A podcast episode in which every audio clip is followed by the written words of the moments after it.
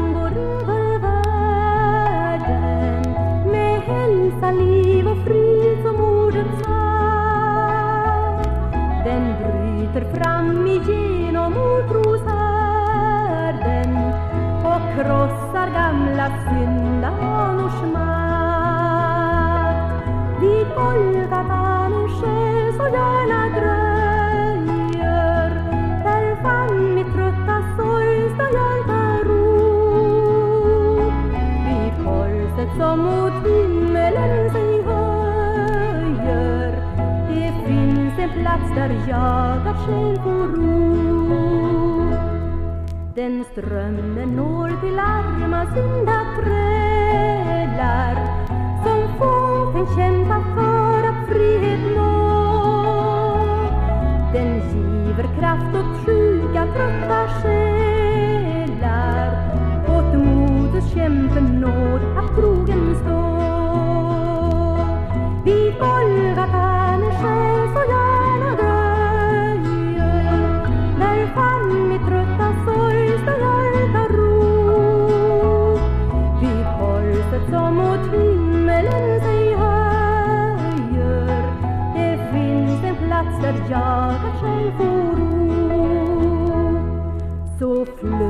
fritt du underbara källa. Gå fram med makt, bryt all fördömning ner Må reningsfloden rikare framvälla och frälsningsljudlet stiga mer och mer. Vid Golgata din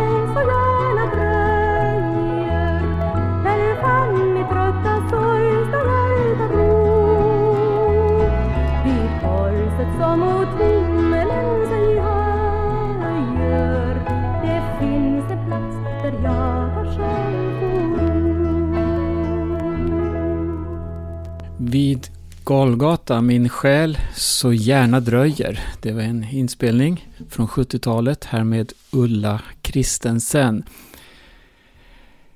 En segersång. Kan man sjunga en segersång på Golgata? Vad är en segersång? Och hur kan man jubla i denna dödens stund då man hänger där mellan himmel och jord och uppspikad, plågad, slagen, torterad på så många sätt och förödmjukad. Där hängde Jesus på Golgata och han sjöng en lovsång som blev en proklamation. Jag ska läsa något om det här utifrån psalm 22. Och jag ska börja titta på en vers i Markus evangelium. Det här är något som utspelar sig då under den sista påskmåltiden som Jesus hade tillsammans med sina lärjungar.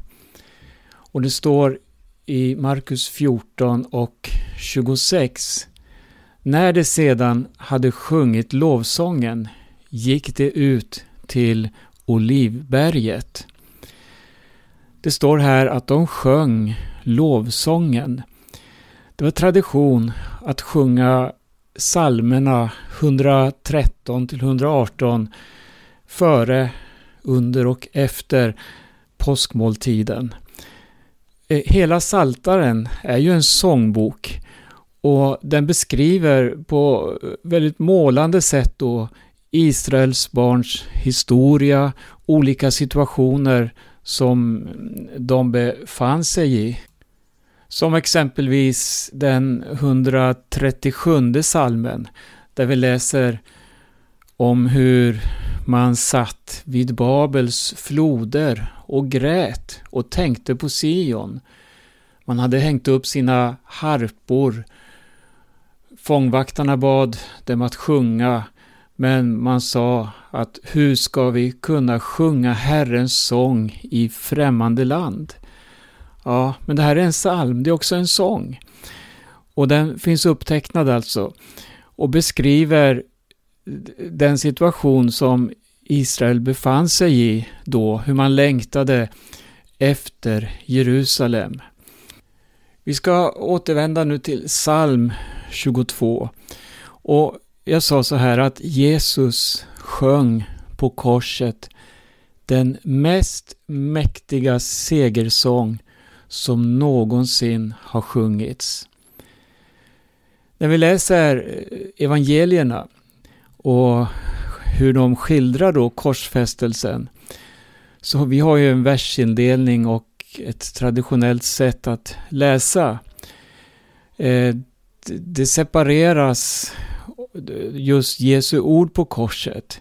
Det är lätt att man när man läser då kan, kan missa triumfen som fanns mitt i lidandet.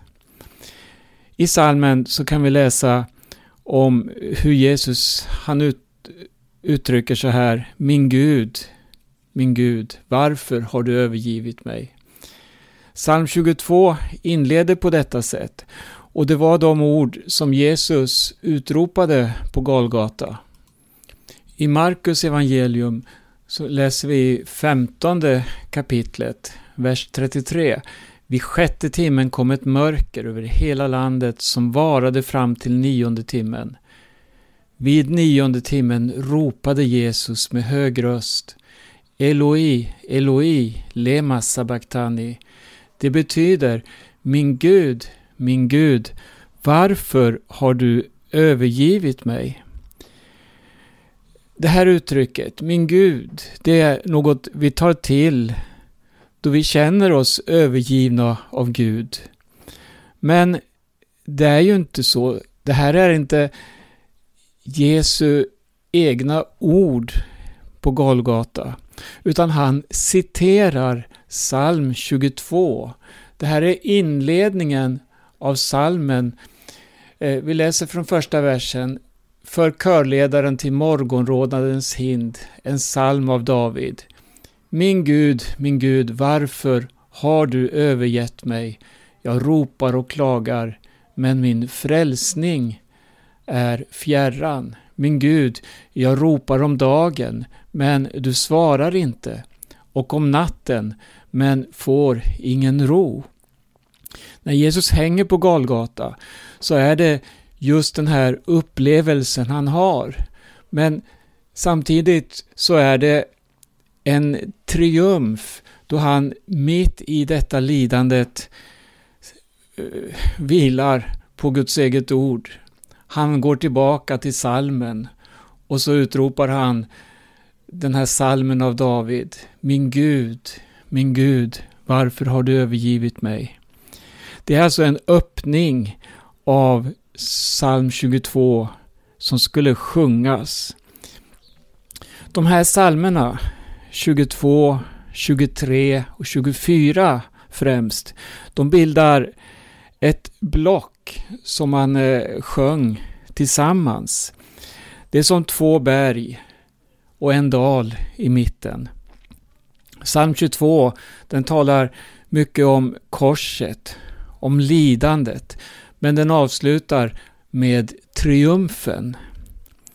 Psalm 24, där har vi kronan, ärans konung, alltså konungen, en hyllning till konungen. Och så har vi psalm 23 i mitten, den mest kända salmen i hela bibeln.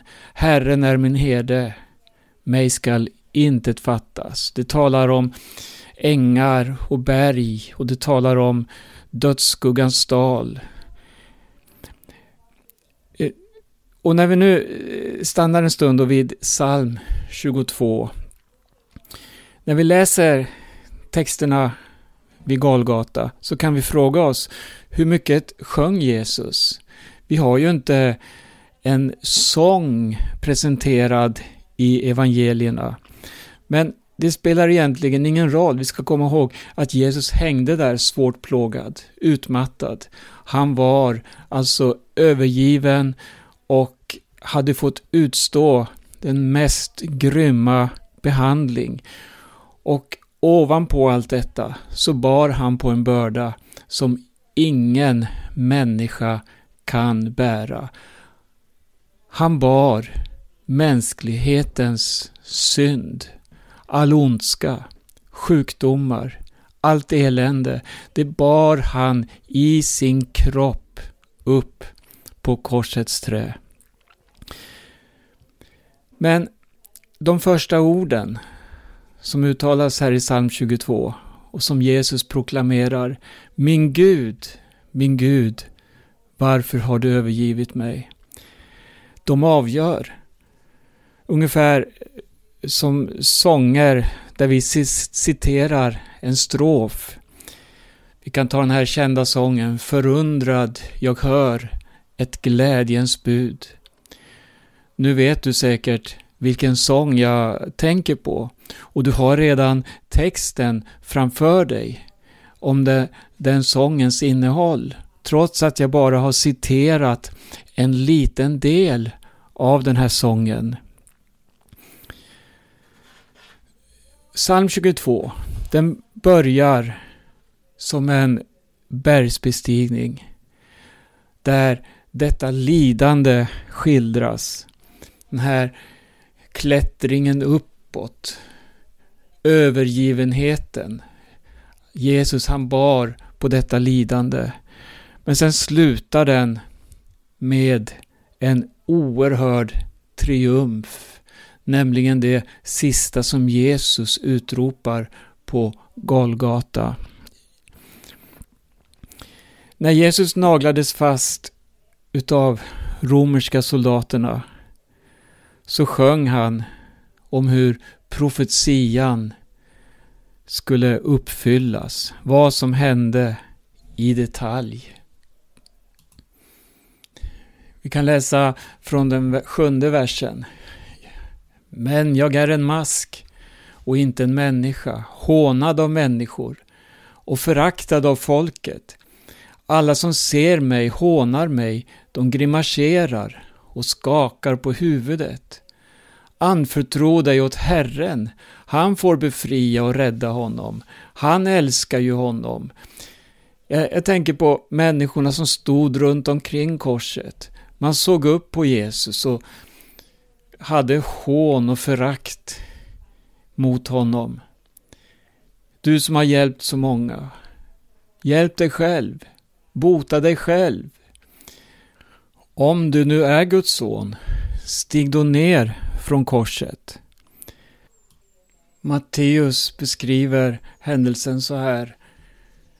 De som gick förbi hånade honom och skakade på huvudet och sade du som river ner templet och bygger upp det på tre dagar. Fräls dig själv om du är Guds son och kom ner från korset. På samma sätt förlöjligade även översteprästerna och de skriftlärda och de äldsta honom och sade Andra har han frälst, sig själv kan han inte frälsa. Han är Israels kung. Nu får han komma ner från korset så ska vi tro på honom. Han litar på Gud. Nu får Gud rädda honom om han älskar honom. Han har ju sagt, jag är Guds son. På samma sätt blev han också hånad av rövarna som var korsfästa tillsammans med honom. Samtidigt var det en så andäktig stund där på Golgata. Alla som hörde, alla som var med och iakttog det som hände, de påverkades på olika sätt.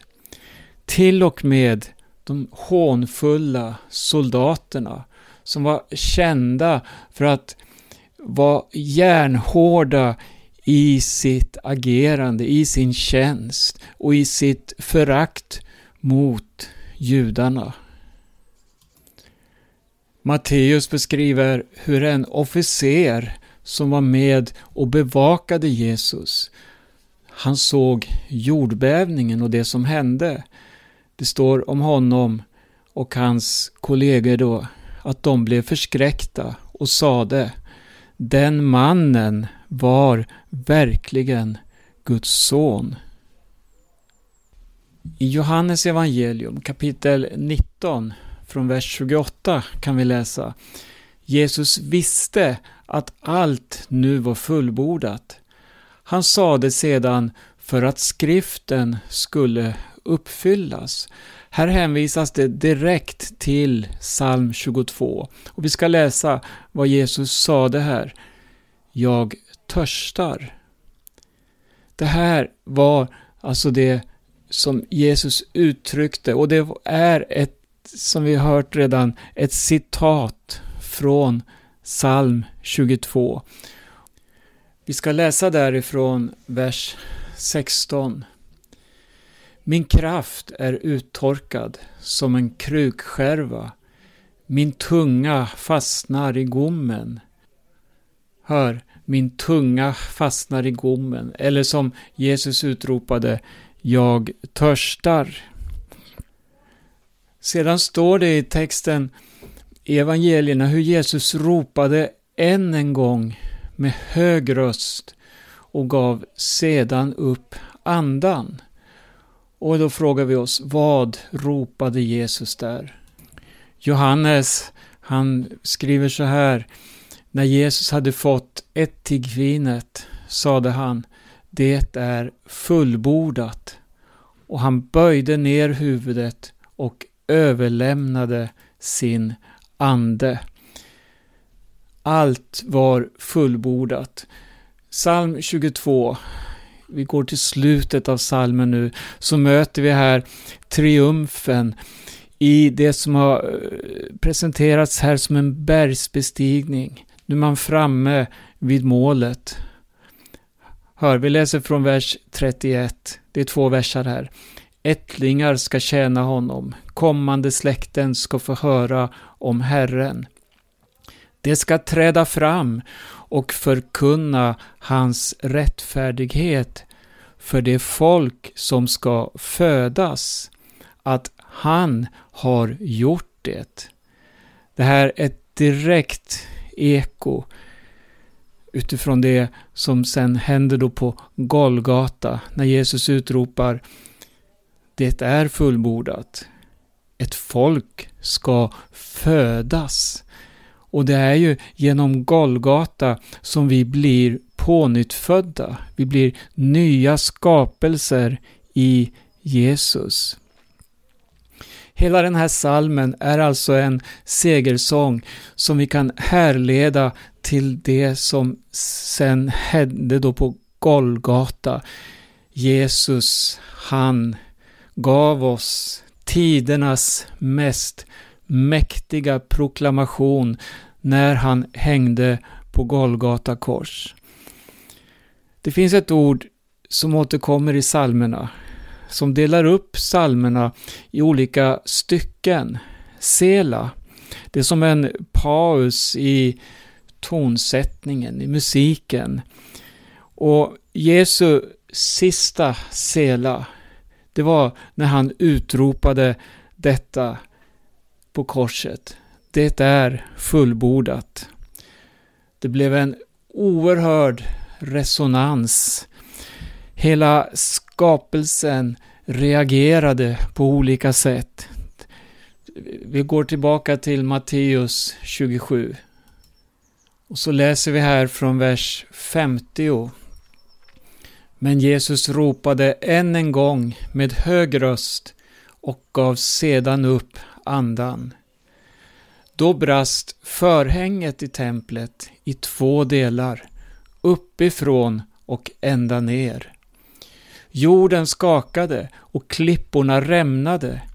Gravarna öppnades och många avlidna heliga fick liv i sina kroppar.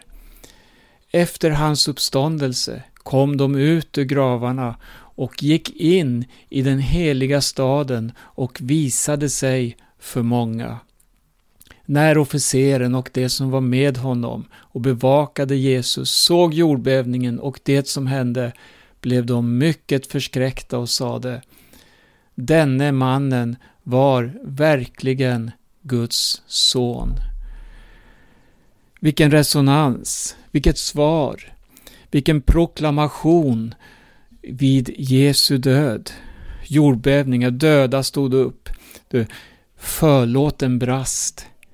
Guds jordiska boning i Jerusalem, templet i Jerusalem, den plats där Gud hade manifesterat sig genom att översteprästen årligen gick in i det allra heligaste, aldrig utan blod, och han bar fram blod för försoning åt alla människor. Men nu så hade den tiden, eller den skuggan, spelat ut sin roll. Det var inte längre nödvändigt. Gud satte själv stopp för den offertjänsten genom att riva det som var en åtskillnad mellan Gud och människor. Han rev det i två stycken och öppnade vägen in till det allra heligaste. Jesus Kristus var den som öppnade vägen genom att dö för våra synder. Hebreerbrevet beskriver det på det här sättet. Vi ska läsa ett stycke i det nionde kapitlet från vers 11. Men nu har Kristus kommit som överstepräst för det goda som skulle komma. Genom det större och fullkomligare tabernaklet som inte är gjort av människohand och alltså inte tillhör den här skapelsen gick han in i det allra heligaste en gång för alla. Inte med bockars och kalvars blod utan med sitt eget blod och vann en evig återlösning. Om nu redan blodet av bockar och tjurar och askan från en kviga kan stänkas på det orena och helga till yttre renhet, hur mycket mer ska då inte Kristi blod rena våra samveten från döda gärningar till att tjäna den levande guden? Han har genom den evige Ande framburit sig själv som ett felfritt offer åt Gud. Därför är Kristus medlare för ett nytt förbund, för att de som är kallade ska få det utlovade eviga arvet, när han nu med sin död har friköpt oss från överträdelserna under det förra förbundet. Det behövs alltså inte längre någon prästtjänst enligt Gamla Testamentets modell, utan nu får vi var och en fritt och förintet träda inför Gud genom Jesus Kristus. Här är Bibeln väldigt tydlig. Vi är frälsta av nåd. Var och en som tror på Jesus blir rättfärdiggjord genom Jesus. Vi kan få uppleva denna försoning. Bibeln säger och uppmanar oss att tro verkligen, att vända om från våra synder, att börja ett nytt liv. Och det börjar med att han föder oss på nytt. Jag vill avsluta det här programmet med att läsa ytterligare en bibeltext. Och den är hämtad från Gamla Testamentet. Det är profeten Jesajas. Han ger oss en inblick i en profetia han fick som så tydligt presenterar Jesus och Golgata. Han, han, det, det här kapitlet, Det, det har blivit förbjudet inom judendomen. Det kallas allmänt för det förbjudna kapitlet och man läser inte det helst i synagogorna. För att det är så överbevisande om att Jesus är Messias. Hör här vad Golgata betyder för dig.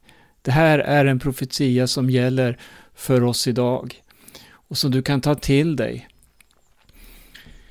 Vers 3. Han var föraktad och övergiven av människor, en smärtornas man och förtrogen med lidande. Han var som en som man skyler ansiktet för, så föraktad att vi inte respekterade honom. Men det var våra sjukdomar han bar. Våra smärtor tog han på sig, medan vi såg honom som hemsökt, slagen av Gud och pinad.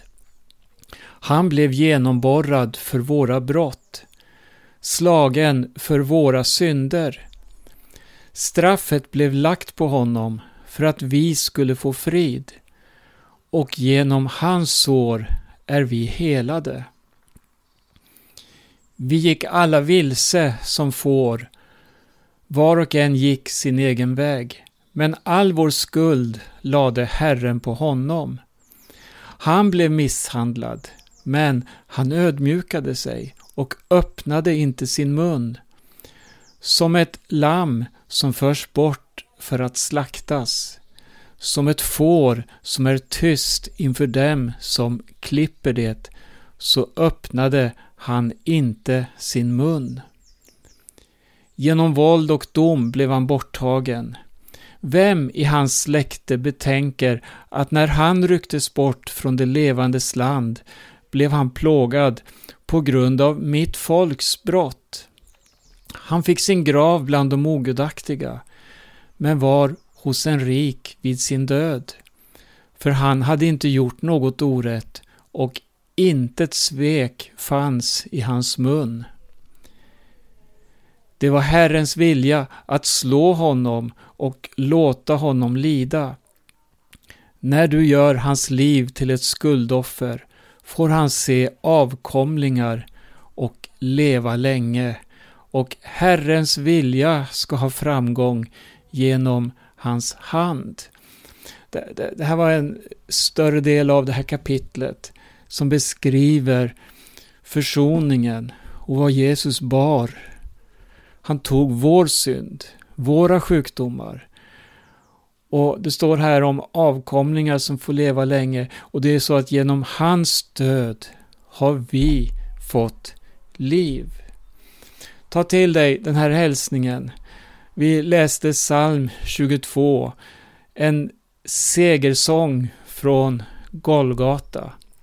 Låt det få bli en segersång i ditt hjärta, för när du tar emot Jesus som frälsare i ditt liv, när du säger ja till honom och ber honom att förlåta din synd, när du vänder om till Jesus, kom ihåg, då skapar han ett nytt liv.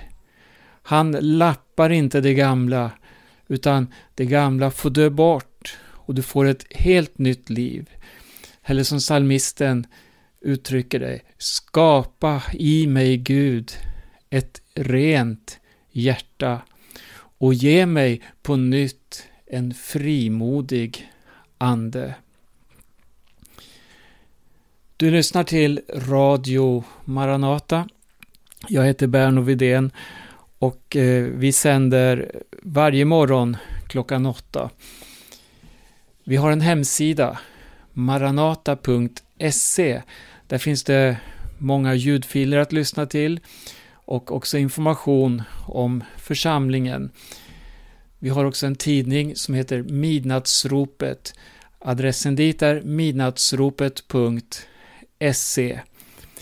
Med det så säger vi tack för den här gången och vi önskar alla lyssnare Guds rika välsignelse och på återhörande.